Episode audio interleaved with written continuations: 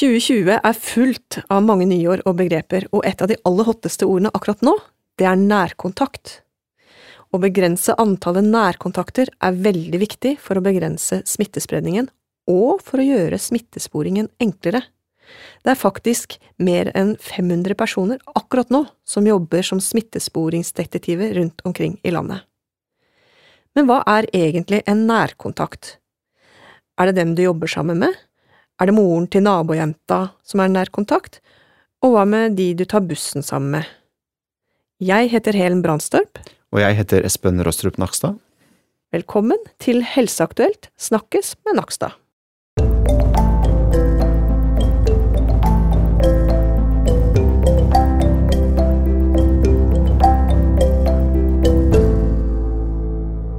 Du Espen, nå har vi i månedsvis snakket om meteren, men i smittesporingen opererer de med to meter. Mm.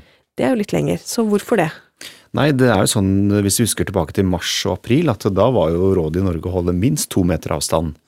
Eh, og bakgrunnen for det var jo egentlig det samme som WHO anbefaler, at eh, for å være helt på den sikre siden, så bør du egentlig ha to meter avstand til andre. Eh, og det ligger også til grunn for da det som defineres som nære kontakter i de fleste land. Det er at når du har vært nærmere enn to meter i mer enn 15 minutter, da er det en smitterisiko som ikke er ubetydelig. Og det medfører da ofte karanteneplikt. Men så gikk man jo ned da til minst én meter, som det heter. Mm. Av litt sånne pragmatiske eh, begrunnelser. Og det var for å f.eks. få plass på folk, eh, til folk på fly. eh, Og for at vi på en måte skal kunne passere folk på gata uten å på en måte gå altfor store omveier. Så gikk man ned til å si da minst én meter. Med, altså så mye som mulig i prinsippet, men minst én meter. Og dette har vi jo snakket om i en tidligere podkast, viktigheten av å holde hjemme når du er syk, holde avstand. Det er viktigere enn å vaske hender, faktisk. Ja, Hvis du ser på liksom disse tre hovedrådene, hva som faktisk er det viktigste, så er det å være hjemme når du er syk. For da kan du faktisk ikke spytte noen andre, eventuelt dem du bor sammen med da. Eh, og det å holde avstand, det gir jo veldig god effekt. Man snakker ofte om at holder du da en meter, så reduserer du smitterisikoen med 80 Eh, Er du utendørs, er nok risikoen enda lavere enn det, fordi da er det vind som flytter på en måte eh, de eventuelle dråpene som kommer ut av munnen din, de blåser bort og treffer ikke den du snakker med. Eh, Innendørs litt høyere risiko. Eh, Og så er det dette da med håndvask som er viktig for at ikke du skal eh, bli smittet ved at noen hoster rett i hendene sine og tar på et dørhåndtak eller et eller annet som du da eh, kommer i kontakt med så viruset kan overføres. Men det siste, dette med sånn overføring via flater, viser seg å være sjelden. Men det er også av betydning, og derfor så har man med det rådet om, om håndvask. Og du går og åpner dører med jakkeermet ditt, ser jeg. Du er flink. I hvert fall eh, her, altså, ja, her hvor det er veldig mange som går gjennom noen av de samme dørene, så ser jeg at nesten alle bruker da andre måter enn hendene sine. Men alternativet er jo å bruke hendene og så sprite dem med sånn jevne mellomrom gjennom dagen. Eh, Men eh, det betyr nok ikke mest. Det viktigste er eh, nok eh, hostehygiene hvis du faktisk plutselig må hoste. Eh, Og selvsagt være hjemme når du er syk. Det er det aller viktigste. Og dette, for at vi skal holde ut, og ikke få det som kalles tiltakstrøtthet, så må vi gjøre dette til gode vaner. Jeg har bare lyst til å si det, det snakket vi også om i den aller første. Gode vaner, ikke sant. Det er derfor du, du har som vane, du, å åpne døra med Ja, Gode vaner, for da husker du på det. Sånn at, eh, og hvis eh, alle hadde hatt den vanen at de var hjemme når de begynte å kjenne noe i halsen eller begynte å føle seg litt snufsete, og alle holdt minst en meter avstand til enhver tid, og da hadde vi faktisk ikke trengt noen andre tiltak i Norge i det hele tatt. Da hadde vi ikke trengt dette med testing og smittesporing heller. Men vi vet at det er vanskelig, og du kan også bli syk mens du er på jobb. Ikke sant? Vær frisk på morgenen, og så går du på jobb, og så begynner du å merke utover dagen at du begynner å bli litt forkjøla eller får sånne symptomer. Så det er veldig vanskelig å unngå smitte av dette viruset helt, og fordi man også tror at det kan smitte rett før du merker symptomene selv. Kanskje har du egentlig litt sånn eh, Du er litt snufsete, og det er noe som skjer i luftveissystemet ditt, men du har liksom ikke tenkt over det. Da er du ofte inne i det vi kaller asymptomatisk smitte, eller i hvert fall at du ikke merker selv at du har symptomer. Da. Så det gjør det veldig vanskelig, og derfor er disse, som du sier, hverdagsrutinene altså de er veldig viktige å ha. Og hjernen liker vaner, da hviler hjernen.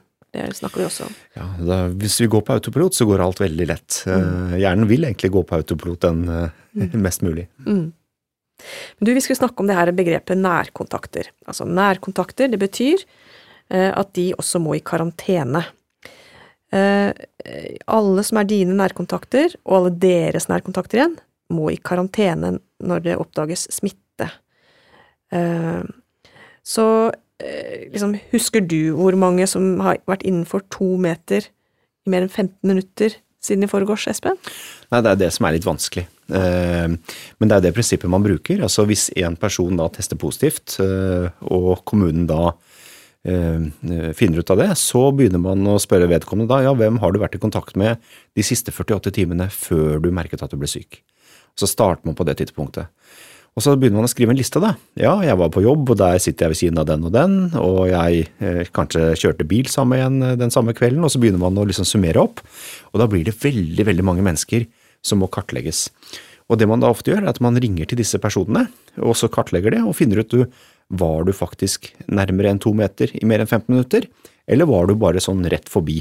Mm. Og, og hvis man da var nærmere enn to meter i mer enn 15 minutter, eller man har på en måte blitt hostet rett i ansiktet eller har en sånn typisk risikoeksponering, så blir man satt i, da, i karantene. Og Det betyr ikke at man er syk, men det betyr at man har en økt risiko for å bli syk. og Derfor så er det viktig å være hjemme, sånn at ikke man smitter andre. Mm. Ja. Og man kan jo jobbe fordi man er i karantene, hvis man har en sånn jobb, da. Absolutt. Hjemmekontor i karanteneperioden er fullt mulig for de som, som kan gjøre det. Mm. Så dette med nærkontakter, det er altså de som har vært nærmere enn to meter i mer enn 15 minutter. Ja, det er mm. definisjonen. Mm.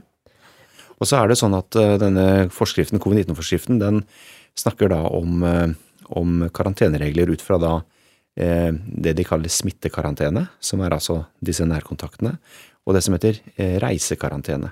Altså at du har vært på reise til et rødt land i utlandet. Så det er på en måte de to tingene som kan gjøre at du kommer i karantene.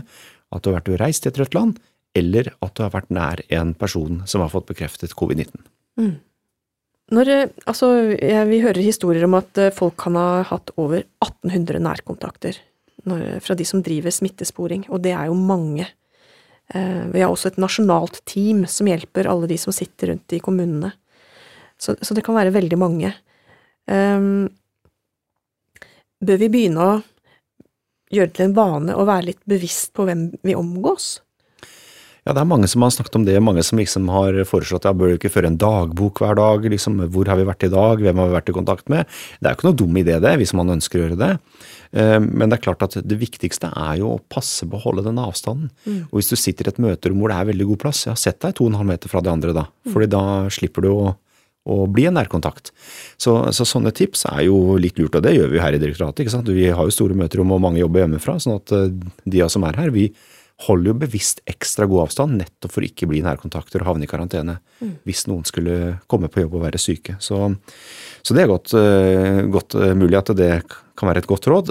Men så er det også det at det, i mars, du, da, da var jo de aller fleste hjemme, eller hadde veldig lite kontakt og beveget seg ikke så mye rundt, og mye var stengt.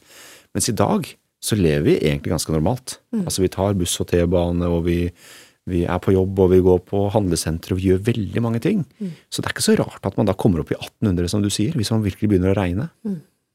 Så vi skal prøve å unngå å bli nærkontakt, holde god avstand. Kanskje bruke munnbind òg, der hvor det er vanskelig å holde avstand. Ja, og det er jo det gjeldende rådet nå, f.eks. I, i Oslo, at, eh, at eh, man skal bruke munnbind nå. Faktisk det er et påbud hvis man ikke klarer å holde den meteren med avstand. Og det gjør jo også at uh, sannsynligheten for å bli smittet uh, er veldig liten når man er ute og reiser. Hvis man mm. bruker munnbind, og alle andre rundt deg også gjør det, så blir det veldig litt sannsynlig. Så da, hvis du da blir syk, så er det sannsynligvis fordi du er smittet et annet sted. Uh, og vi ser jo at de fleste fortsatt blir smittet hjemme der de bor, mm. av noen som er syke, mm. eller på fester og arrangementer og utesteder eller i jobbsammenheng. Det er egentlig der folk stort sett blir smitta. Mm. Nemlig.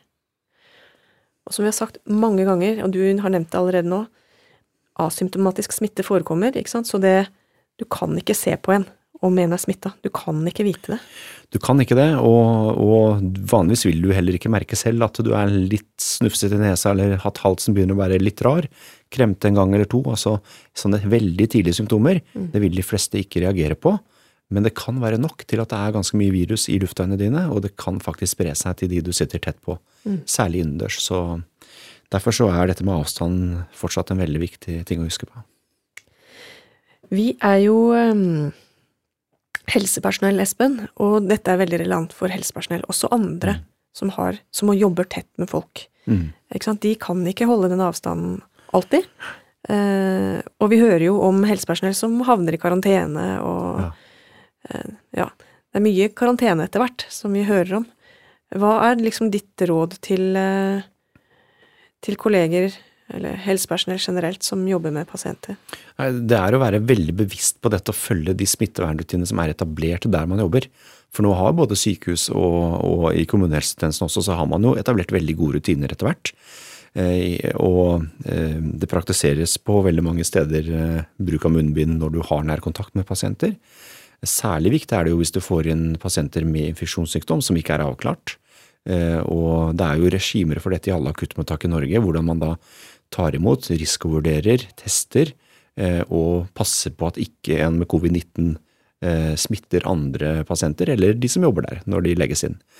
Så, så dette er viktige ting, å være bevisst på det er viktig. Og så er det jo også litt viktig som ansatt at man i lunsjpauser og sånne ting holder litt avstand, da. Følger de samme rådene der også.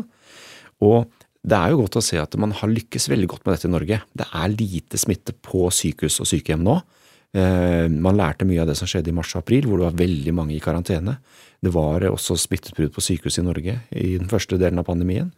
Men man har blitt veldig god på det etter hvert. Veldig mange har lært seg ting som de ikke kunne. Eh, Så smittevern har blitt veldig godt, og det, det høster vi frukter av nå. Og så er vi jo et naturelskende folk, så det Mm. å treffes ute, det går fremdeles an. Det går an å gå en tur sammen, og det går an å, som du sa tidligere, at øh, være et sted hvor øh, lufta ikke står så, står så stille. Mm. Ja, det er veldig trygt. Og å være ute og prate med folk eller gå tur, det er forbundet med veldig liten smitterisiko. smitterisiko. Det ser vi også, at det er ikke rapportert om mye smitte på utendørs arrangementer heller, f.eks. Eh, Så det er da når du tar bussen eller toget dit at du kanskje har størst risiko, og ikke når du er ute i, i friluft. Men, eh, men eh, samtidig så er det sånn at, eh, at eh, hvis du f.eks. er i karantene, så er det også lov, lov å gå utendørs. Egentlig bare gå så mye tur som du bare vil hvis du er i karantene, men du bør da ikke ta buss eller T-bane, du bør ikke gå på butikken, du bør ikke være der hvor mange andre mennesker er. Men bortsett fra det, så er det fullt mulig å være utendørs så mye du vil, selv om du er i karantene. Bra, og det er jo veldig bra for den mentale helsa også. Komme seg ut, bevege kroppen litt. Absolutt. absolutt. Bryte et stillesittende mønster. Altså, kroppen elsker det jo. Jeg tror, de, jeg tror de aller fleste som er i karantene, det tror jeg har en daglig tur som de går, altså. Jeg tror det er helt nødvendig. Så det, så, for det blir jo litt kjedelig og monotont, og du mister jo en del kontakt med andre mennesker, og det merker du jo sånn psykisk også. I to uker nesten, ikke sant, hvor du, hvor du har veldig lite kontakt med folk, og da er det fint å komme seg ut. For eksempel eh, gå med en podkast på øret. Det kan man gjøre, absolutt. Ja, nå tror jeg vi har fått et bedre grep om hva nærkontakt er. Mm. Eh, og vi har snakka litt om smittesporing og sånt nå, og det, det er egentlig et bra oppspill til neste podkast, som folk kan begynne å glede seg til. Ja, Da får vi med en gjest, eh, så uten å si for mye mer, så vi snakkes om ikke så lenge, Spenn. vi gjør det, Helen. Vi gjør det.